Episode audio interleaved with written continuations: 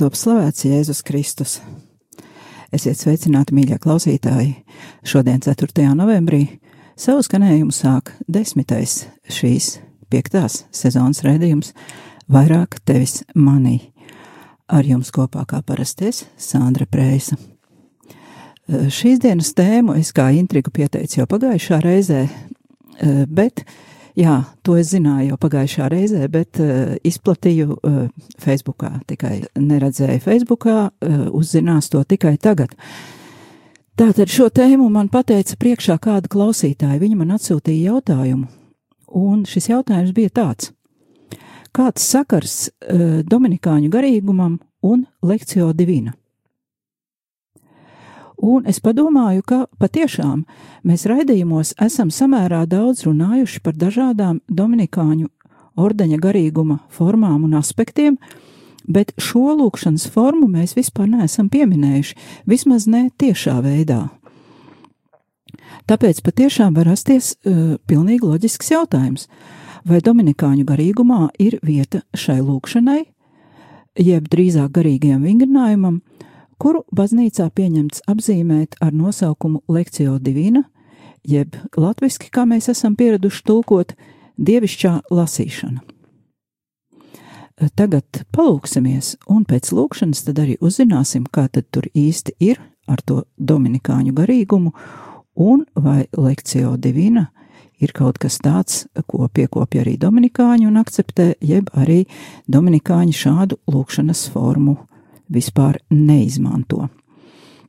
Tātad par ko lūksimies? Vakar Latvijā bija tā sauktā bāreņu svētdiena, un baznīcās īpaši lūdzās par bāreņiem. E, savukārt citur pasaulē šajā dienā pieminēja arī vajātos kristiešus, un bija lūkšanas par vajātajiem visā pasaulē. Un pašlaik, kā zināms, ir arī oktāva, kurā mēs lūdzamies par mirušajiem. Un tad nu saliksim tagad visus šos nodomus lūkšanā, un lūksimies arī par šīs dienas raidījumu, lai tas katram no mums varētu dot kaut ko jaunu, mūs varētu kaut ko paņemt no tā un augt savās attiecībās ar Dievu.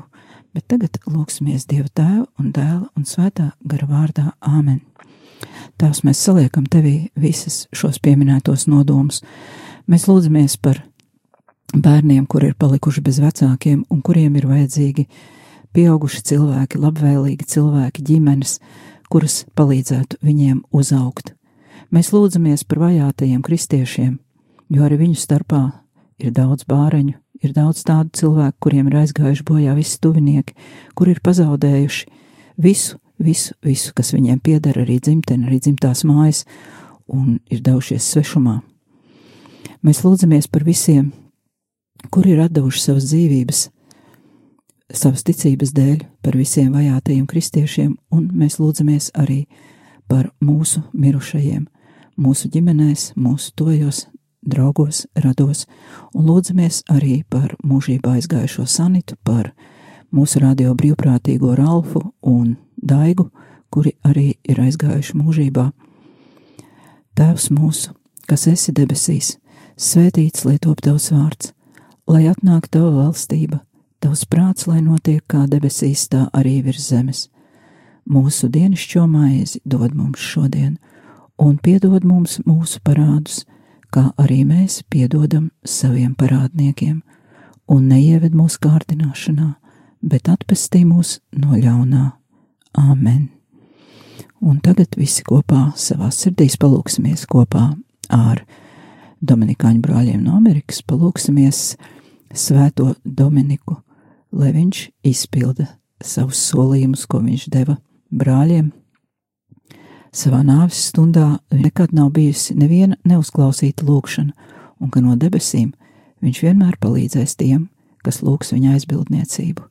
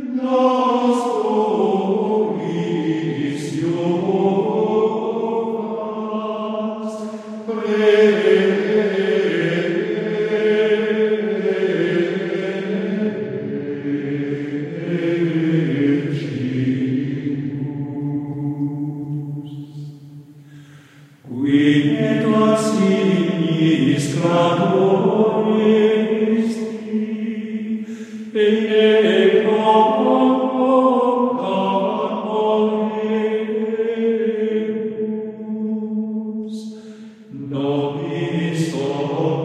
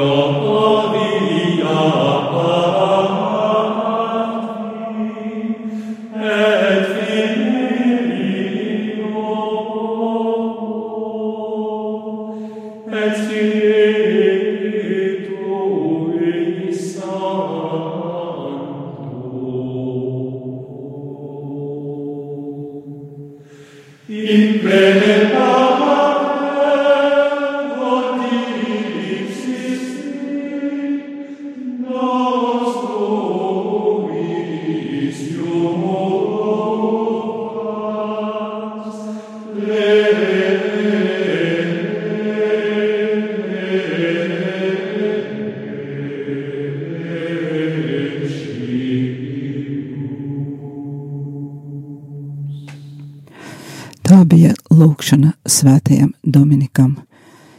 Un tagad atgādinu, kā skan Radio Marija Latvija, raidījums vairāk tevis manī.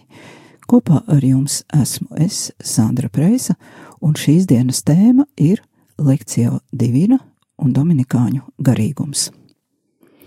Jādomā, kādai ir maz tādu, kuri kaut reizi nebūtu dzirdējuši šo vārdu salikumu lekcija divina un pieļauju, ka ir arī tādi, kuri šo lūgšanu lūdzas. Tātad šodien tiem, kuri uh, praktizē lekcijā divina, šis varētu būt mazliet atkārtojums par to, ko jūs jau zinat, bet tiem, kas nezina, tad nu, turpināsim. Daudzi noteikti ir arī dzirdējuši, ka jezuīti rīko rekolekcijas, kuru nosaukumā ir šie vārdi - lekcija divina. Savukārt kāds varbūt atcerās, ka ka kopiena Emanuela kādreiz rīkoja rekolekcijas ar šādu nosaukumu, un, ja nemaldos, tas ilga pat 10 vai 12 gadu garumā bija vismaz vienas tādas rekolekcijas, desmit dienas garas, citreiz nedēļas nogalē, bet eh, ar šādu nosaukumu lekcija divina.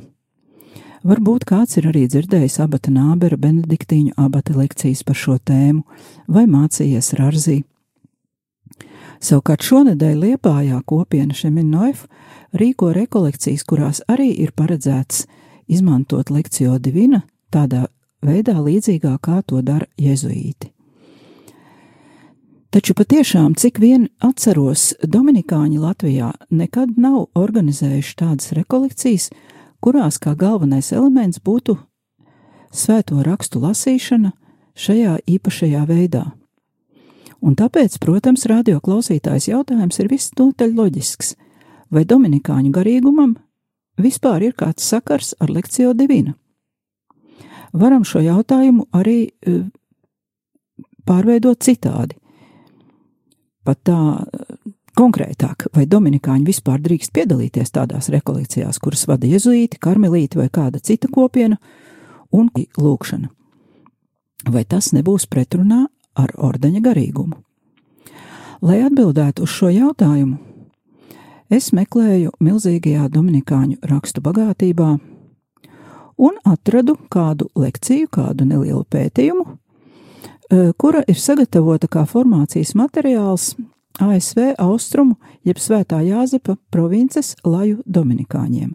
Šī lekcija ir Laju Dominikāņu lapā, un to ir sagatavojis kāds brālis no šīs kopienas ar mūža solījumiem, lai varētu formēt jaunos la, laju kopienas dalībniekus, un tā kā mēs jau zinām, ka Dominikāņu garīgumam ir četri pīlāri, viens no kuriem ir lūkšana, tātad šis šī sadaļa lekcija divina attiecas uz lūkšanu kā vienu no dominikāņu garīguma pamatvērtībām.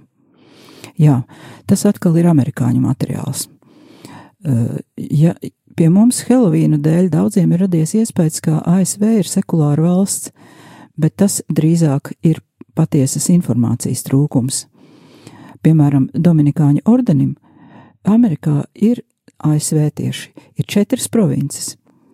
Bet centrālās provinces studiju mājā, tātad vienā no četrām provincēm, katru gadu ir vismaz 80 brāļi studenti, un parasti katru gadu kāda 15 līdz 20 tiek iesvētīti par priesteriem, un apmēram tikpat daudz jaunu atkal iestājas ordenī un uzsāk studijas. Dažādiem ordeņiem un kongregācijām ASV klājas visai dažādi, tāpat kā arī citur pasaulē. Citiem aicinājumi kļūst vairāk, citiem mazāk, bet Dominikāņu ordenis ir ļoti, ļoti dzīves un aktīvs.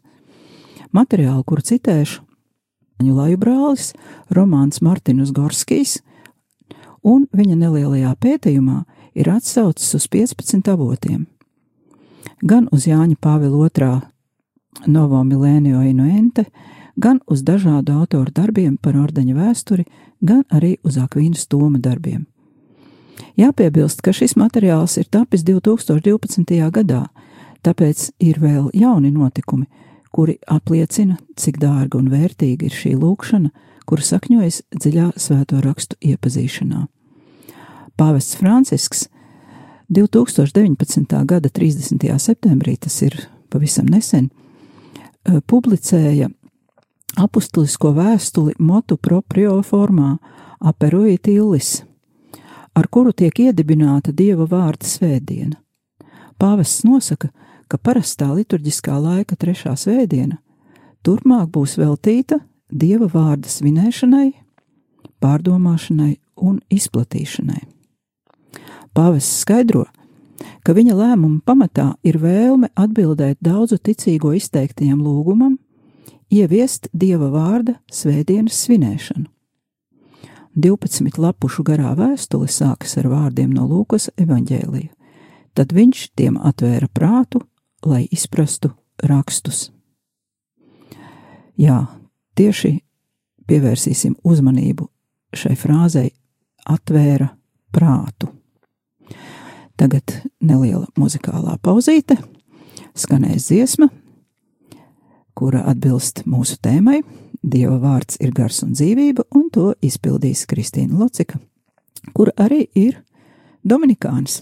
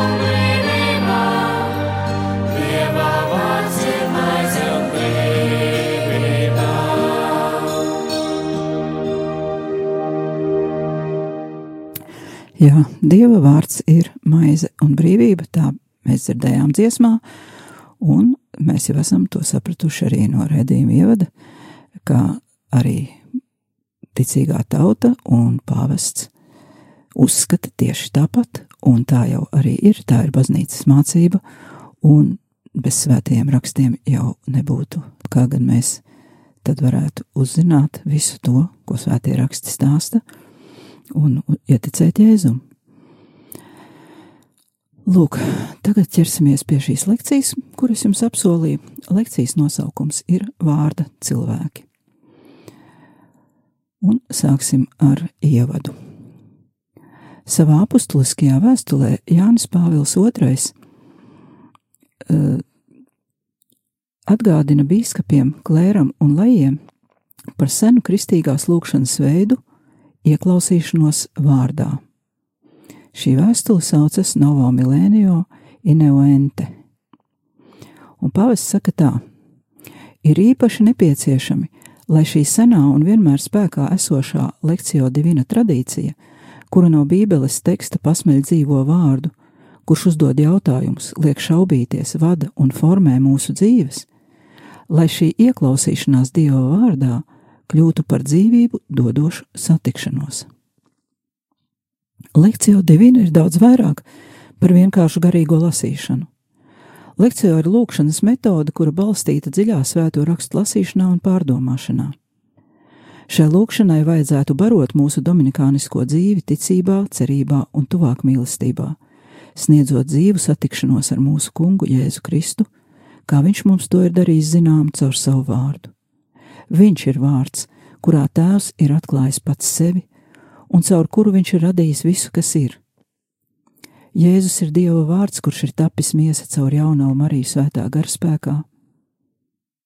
Svētie raksti ir tas pats vārds, kurš tapis uzrakstīts grāmatā ar tā paša svētā gara spēku, kurš darbojās caur cilvēku Bībeles autoru prātiem. Lekcijo, kurš mūs noskaņo, atver un informē par kontemplācijas dāvanu, kuru Dievs vēlas mums dot, pats vedot mūs uz satikšanās vietu mūsu dvēseles visdziļākajā vietā, kuru Viņš ir izvēlējies sev par mājokli. Lekcija divina ir lūkšanas veids, un tā, un tā kā lūkšana vienmēr ir ļoti personīgs un intīms akts. Lekcija iegūst ļoti personīgu raksturu, atbilstoši tai personai, kura šo lūkšanas metodu praktizē. Tādēļ katrai personai ir īpaša, īpašs pieejams, īpaša metode, un tā ir jāatrod praktizējot pašai. Cilvēkam pašam ir jāatrod veids, kurā šī lūkšana strādā, kļūst dzīva tieši viņam vai viņai.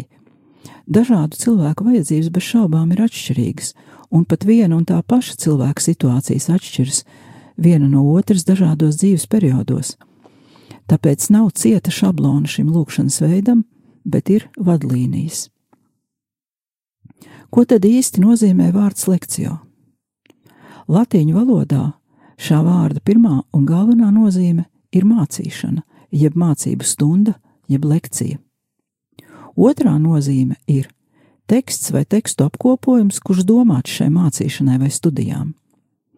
Un visbeidzot, trešā nozīme, kur ir radusies vēlāk un atvasināta no iepriekšējā, pati visjaunākā nozīme vārdam lekcijo ir lasīt. Tātad atcerēsimies, lai gan mēs tulkojam šo vārdu salikumu kā dievišķā lasīšana, tātad šis vārds uh, ir ar daudz plašāku nozīmi. Tā, tā, tā ir mācīšana, mācīšanās, tas ir lekcijas, arī lasīšana. Svētie raksti ir jālasa un jāstudē tajā pašā garā, kurā tie ir sarakstīti. Jūs nekad nesapratīsiet apakstuli Pāvilu, kamēr pa pastāvīgi vēršoties pie viņa un lasot viņa vēstules, nebūsiet iejutušies viņā un iegājuši viņa garā un domāšanas veidā. Jūs nekad nesapratīsiet Dāvidu, kamēr recitējot psalmus, nebūsiet caur sevi pārdzīvojuši visu viņa emociju gammu. Un līdzīgi ir arī ar visiem pārējiem svēto rakstu tekstiem. Starp uzmanīgu studēšanu un vienkāršu lasīšanu ir tāds pats bezdibenis, kā starp sadraudzību starp brāļiem un māsām kopienā un pazīšanos ar nejaušu garām gājēju. Tā ir teicis Viljams no Sentjerī 12. gadsimta benediktīņu abats. Lekcija divina parasti tiek dalīta četrās fundamentālās sadaļās - lekcija, meditācija, orācija un kontemplācija. Pirmie trīs soļi attiecas uz mums pašiem, mūsu darbībām un piepūli, uz to, ko mums vajadzētu darīt, kamēr pēdējais solis ir vai nu dabisks mūsu pūļu auglis, vai arī īpaša dieva dāvana, kura nāk neatkarīgi no mūsu ieguldītā darba un panākumiem, bet kurai mēs esam atvērti pateicoties tam darbam, ko esam ieguldījuši veicot pirmos trīs soļus. Kāds autors to salīdzina tā kā ar divām durvju virām, jeb beņģēm, kurās turas šī metode, un šīs divas viras ir lekcija, kurā Dievs runā uz mums, un orācija, kurā mēs runājam uz Dievu. Ar šo divu soļu palīdzību lekcija kļūst par dialoga lūkšanu. Meditācijā savukārt ir izšķirošais solis, kurā mēs sagatavojam savu atbildi dievam, pārdomājot vārdus, kuri lasīšanas laikā mums ir iekrituši sirdī. Tā mēs kļūstam gatavi atbildēt dievam ar lūgšanu. Mūsu lūgšana paceļas pie dieva tad, kad lūdzamies ar mīlestību. Mēs dzirdam dievu, kad ticībā lasām viņa vārdu. Lekciju praktizēšana pieprasa zināmu disciplīnu, saskaņā ar kuru mēs katru dienu veltam tai laiku, vēlams vienā un tajā pašā stundā. Mums nav vienmēr jājūtas tā, ka mums gribas lūgties. Dažreiz mēs varam nejust nekādu vēlēšanos, pat garīgu sausumu, un izpildīt visus soļus bez jebkādām sajūtām un bez sajūtamiem augļiem, bez patīkamām sajūtām vai enerģijas pieplūduma. Dažreiz turpretī mēs varam sajust milzīgu iekšēju saldmu un iepriecinājumu jau pašā lūkšanas sākumā. Lekcija divina prakse nenozīmē, ka mēs tiksim nekavējoties atalgoti. Tas ir ilgstošs, pastāvīgs process, kurā mijas aktivitāte un pasivitāte. Arī grauds neuzdīgs nākamajā dienā pēc iesēšanas, un kāpurs nekļūst par tauriņu vienas dienas laikā. Ja mēs vēlamies, lai mūsu dzīve kļūtu saskaņota ar Jēzus dzīvi, mums ir jāpraktizē un jābūt pastāvīgiem un pacietīgiem. Tagad atkal neliela muzikāla pauzīte, un amerikāņi, atkal amerikāņi dziedās kādu priecīgu dziesmiņu country stilā, kura saucas Atdusēties mūžīgajās rokās ar mūsu šīs dienas tēmu un faktiski jau ar kontemplāciju, ar atdusēšanos Dieva rokās. One, two, one, two, three.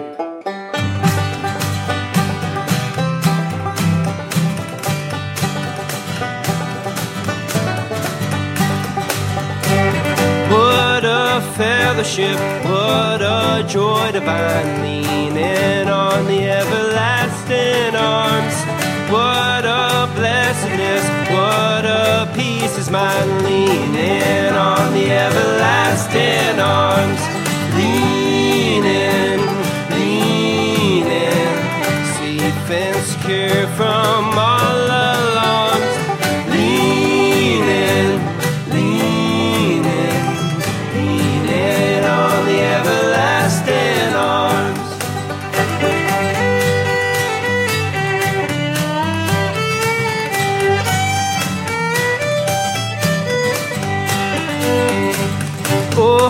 sweet to walk in this pilgrim way, leaning on the everlasting arms. Oh, how bright the path grows from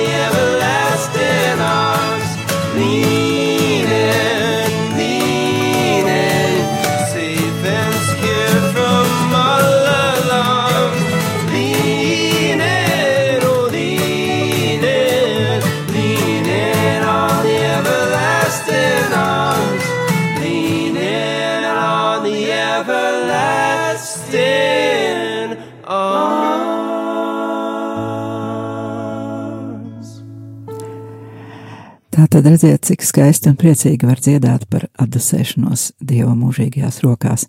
Dziesmu izpildīja uh, ASV centrālās provinces studiju mājas priesteri un studenti. Bet mēs turpinām savu nelielo ieskatīšanos uh, lūkšanā lekcijo divina, un to apraksta mums kāds Dominikānis. Un tagad sīkāk par lekciju, tuvāk par šiem te etapiem, par, te, par šīm te daļām, kuras es pirmīt nosaucu tikai latīniski. Tātad pirmā daļa lekcijo, jeb latviski lasīšana, un kā jau mēs dzirdējām, lekcijo ne tikai lasīšana, bet arī mācīšanās, iedziļināšanās, studēšana. Tātad lekcijo sākas ar ticību Dieva vārdam svētajos rakstos un ticību tam, ka Dievs var runāt uz mums caur rakstiem. Šo ticību lasīšanas sākumā, kad mēs gribam šādi lūgties, vajadzētu ādā ticības aktā. Pirms vēl esam uzsākuši lasīšanu. Saskaņā ar šo ticības aktu mēs paliekam pazemīgā bijībā Dieva vārda priekšā. Tad mēs saucam uz svēto garu, lai viņš mūs apgaismo, lai apgaismo un atver mūsu prātu un sirdi, ka mēs spētu saprast dievišķos vārdus un ielaist tos savā dzīvē. Lekcijā divina laikā Dievs mūs māca ieklausīties viņā un meklēt viņu klusumā. Viņš maigi ieaicina mūs savā klātbūtnē. Dievs sūta savu vārdu pie mums tāpat, kā viņš to sūtīja Ābrahamam, lai atklātu sevi, lai mainītu mūs no iekšpuses un veidotu sev savu tautu. Viņa vārds nav tukšs vai bezspēcīgs, tas ir dzīvību dodošs un pārveidojošs vārds. Daži kristieši savā lekcijā divina izmanto tekstus no attiecīgās dienas evaharistiskās liturģijas lasījumiem, kā mēs varētu, piemēram, ņemt mieram tuvu kādu lasījumu. Citi laba, labprātāk izvēlas kādu konkrētu bībeles grāmatu un lasa to. Nav nekādas starpības, kāds teksts tiek izvēlēts, ja vien par mērķi nav kļuvis apgūt noteiktu teksta daudzumu, kas nekādā gadījumā uh, nesadara ar lekciju divina principu. Lasāmā teksta garums ir dieva rokās, nevis mūsu. Mēs atveram tekstu un sākam lēni lasīt. Izbaudām šo lasīšanu un pastāvīgi ieklausāmies vai dzirdam kluso balsi. Mums nav jāgaida ekstāze vai apgaismība. Gan lasīšana, gan kāda fragmenta atkārtota pārlasīšana prasa pacietību. No vienas puses, lasot nanu, no otras, nedrīkst slāpēt prātu un domas, kuras sāk raisīties. Ir jāpaliek nomodā. Kad lasītāju ir uzrunājusi kāda frāze, un viņš ir sācis pārdomāt tās nozīmi un sasaisti ar savu situāciju, ir sācies nākamais solis - meditācija, meditācija jeb pārdomāšana. Kad esam atraduši vārdu vai rindkopu no svētajiem rakstiem, kuru mūs uzrunā personīgi, mēs sākam to pārdomāt. Es gribu uzzināt vairāk par viņu, ieaicināt viņu savā dzīvē un atvērties viņam. Vislielākajā uzticībā, ar un ar tādu pārliecību, kā arī viņš to vēlas. Es gribu saprast, ko viņš man nozīmē un ko viņš grib man atklāt. Daudzi autori saka, ka mums ir it kā jākožļā un jāgramo Dieva vārds. Latīniski to sauc ruminācio, atgramošana. Tas ir tā, kā govis to dara. Kā it kā šo vārdu uzņem un pēc tam pārdomā un atkal uzņem un atkal pārdomā. Tātad šīs ruminācija, vārda gramošana, un tad pārdomas par to, kā lasīto izmantot savā dzīvē. Meditācijas mērķis ir pielāgot savu prātu domas tam, ko Jēzus mums ir gribējis atklāt. Meditācijā mēs ļaujam, lai Dieva vārds kļūst par vārdu, kas ir teikts personīgi man, un ieiet dvēselē līdz pat visdziļākajiem slāņiem. Meditācijā ieiet dažreiz nav nemaz tik viegli. Persona var sajust pilnīgu domu sausumu, tukšumu un neko nesaprast. Ir svarīgi nezaudēt drosmi šādā situācijā un turpināt lekciju divina regulāri, neskatoties ne uz ko. Nekādā gadījumā nevajag krist izmisumā, jo Dievs tādā veidā mūs māca būt pacietīgiem, atteikties no egocentrisma, māca mums saņemt palīdzību no citiem un pieņemt savu atkarību no citiem. Šajā gadījumā no Dieva, no Dieva svētā gara. Mēs vienmēr varam lūgt svēto garu mums palīgā. Meditācijai ir svarīga loma mūsu kristīgajā formācijā. Tā palīdz mums augt zināšanās par Dievu pastāvīgo un mīlošo klātbūtni savās radībās un mūsu personiskajā dzīvē. Tā bagātina un palīdz augt mūsu mīlestībai uz Jēzu un uz viņa mācību, un māca mums atbildēt uz viņa aicinājumu ar mīlestību un kalpošanu. Trešais solis - orācio jeb lūkšana. Precīzāk, sirds lūkšana. Svētais Akvīns Toms raksta tā: Kad mēs lūdzam Dievu, mūsu lūkšana ieved mūsu tuvībā ar Dievu, cik tālu dvēseli ir pacelta uz viņu un satiekas ar viņu garīgā aizrautībā un pielūdz viņu garā un patiesībā. Lūkšana ir mūsu praktiskā intelekta darbība. Tā kā mēs neesam pašpietiekami, lai sasniegtu šo mērķi, mums palīdzīgā nāk Dievs un viņa svētie. Mēs ar lūkšanas palīdzību sakārtotām zināmas Dievam mūsu vajadzības un vēlmes.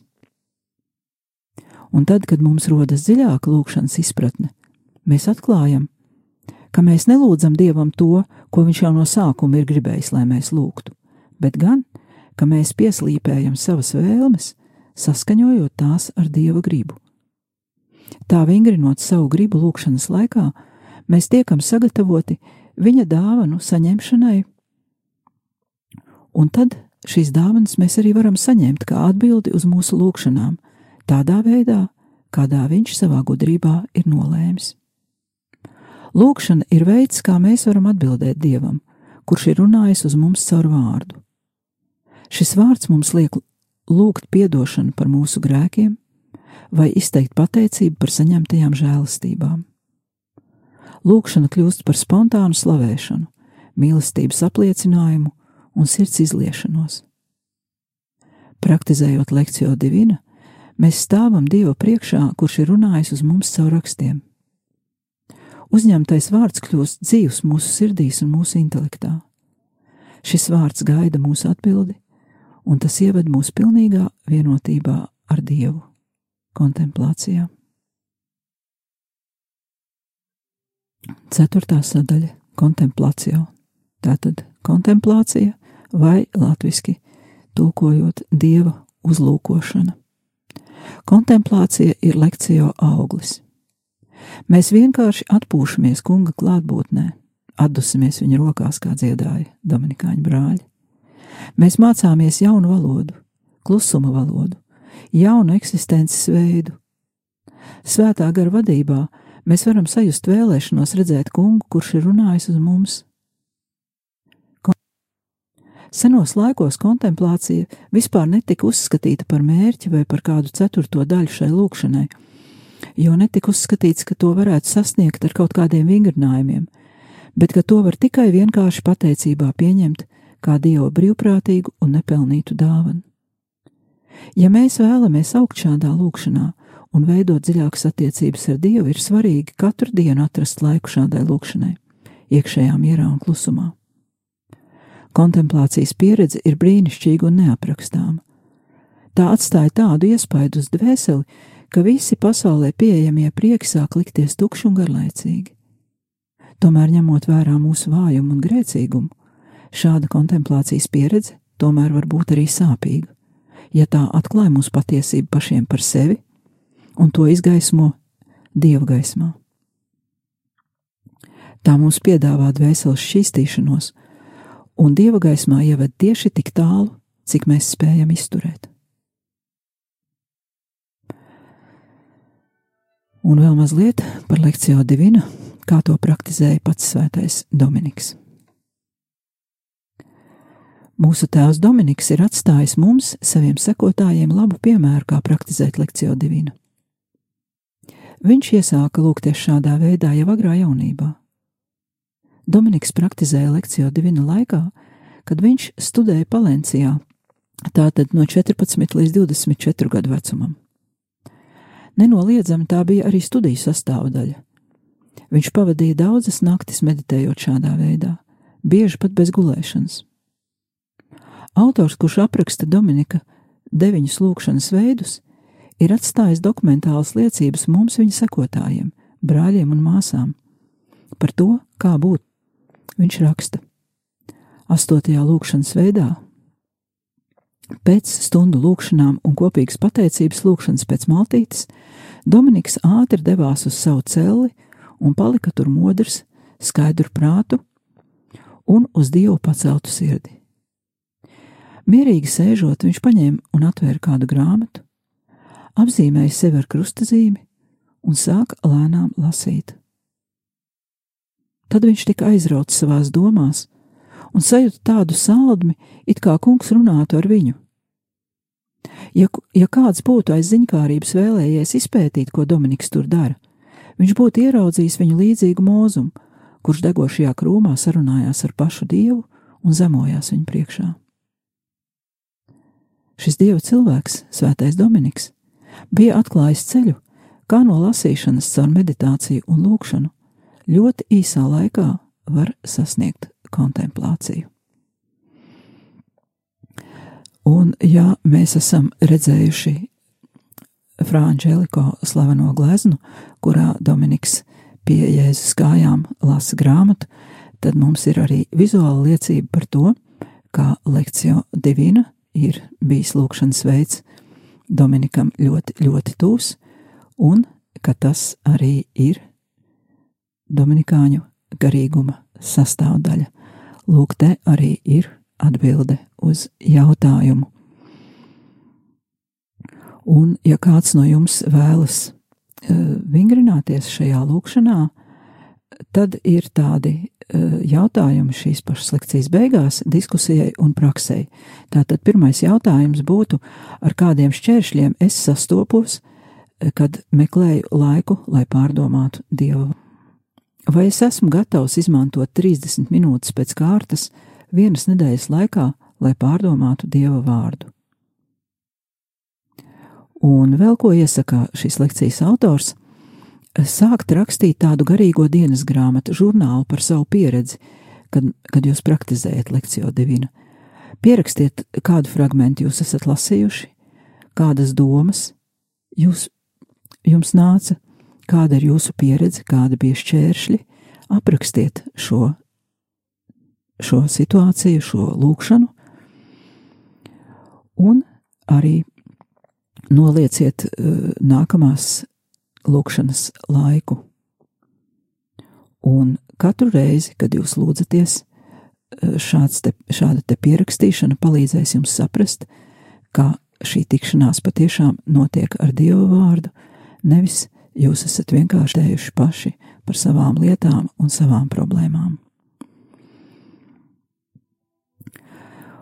Un par lekciju divina gribētu piebilst vēl no sevis mazliet.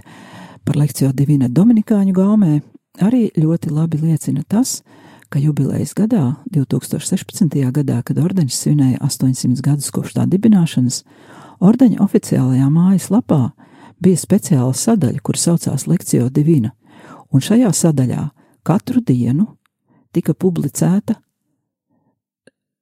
kāda brāļa, māsas vai dominikāņu laja lekcijo divina pieredze. Tieši tāda kā tikko minētajā žurnālā.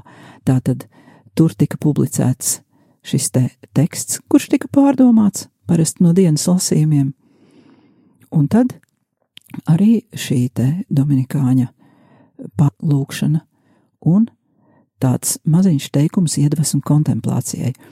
Bet tā kā tas bija Dominikāņu lekcija divina, tad šajās, te, bez šīm te četrām daļām, kuras mēs šodien iepazinām, tātad lekcija, meditācija, orācija, kontemplācija, bija vēl piektā daļa, kura bija uzreiz pēc lekcija. Šī daļa saucās studio, studēšana, jo Dominikāņu viens no pīlāriem, garīguma pīlāriem, ir arī studijas. Un tā tad šajās te lekcijā divina bija neliels fragmentiņš arī ar skaidrojumu, teoloģisku skaidrojumu izlasītajam tekstam. Taču tas bija vairāk tāda dāvana tiem, kuri vēlas lūgties un kuri vēlas izglītoties un kaut ko vairāk uzzināt. Un normāli, kad mēs lūdzamies lekcijā divina, šis te studio fragments, šis te studio sadaļa izkrīt. Kā savukārt, ja mēs vēlamies šo lekciju divinu padarīt dziļāk caur studēšanu, tad mēs varbūt varam darīt tā, ka mēs pa priekšu studējam šos te fragmentus, bet nelūdzamies lekciju divinu, vienkārši izstudējam šos fragmentus, kurus mēs vēlamies lūgties, un pēc tam mēs sākam lūgties le lekciju divina, kā parasti, lūdzamies, bet mūsu atmiņā jau ir palikuši visi šie te studiju materiāli, šīs te zināšanas no studijām, un tās mums palīdz lasot, tā kā dziļāk saprast, ko tad mēs īsti lasam, jeb tā kā mēs sākumā arī šodien runājām, iejusties uh, tajā fragments, kā piemēram, vai tas, tas būtu apustulis Pāvils, kas to raksta, vai kāds cits, un tātad uh, studijas mums noteikti palīdzētu iejusties, bet lekcijo divina, kad mēs to praktizējam kā lūkšanu, noteikti nevajadzētu pārvērst par studēšanu. Tā ir lūkšana. Tas arī šovakar būtu viss. Mūsu laiks ir beidzies. Tātad tas bija raidījums vairāk tevis manī. Runājām par Dominikāņu garīgumu un lekciju divina Dominikāņu gaumē. Ar jums kopā biju es, Sandra Preisa, un atvedos no jums līdz nākamajai pirmdienai.